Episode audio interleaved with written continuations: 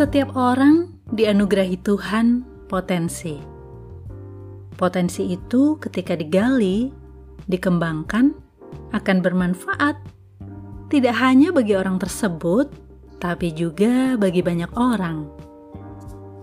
Sayangnya, masih banyak orang yang belum tahu apa potensinya, atau belum mengerti bagaimana cara mengembangkan potensinya.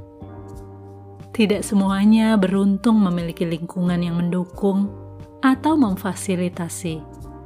Bahkan ada yang menyerumuskan pada hal-hal yang tidak berguna atau merusak.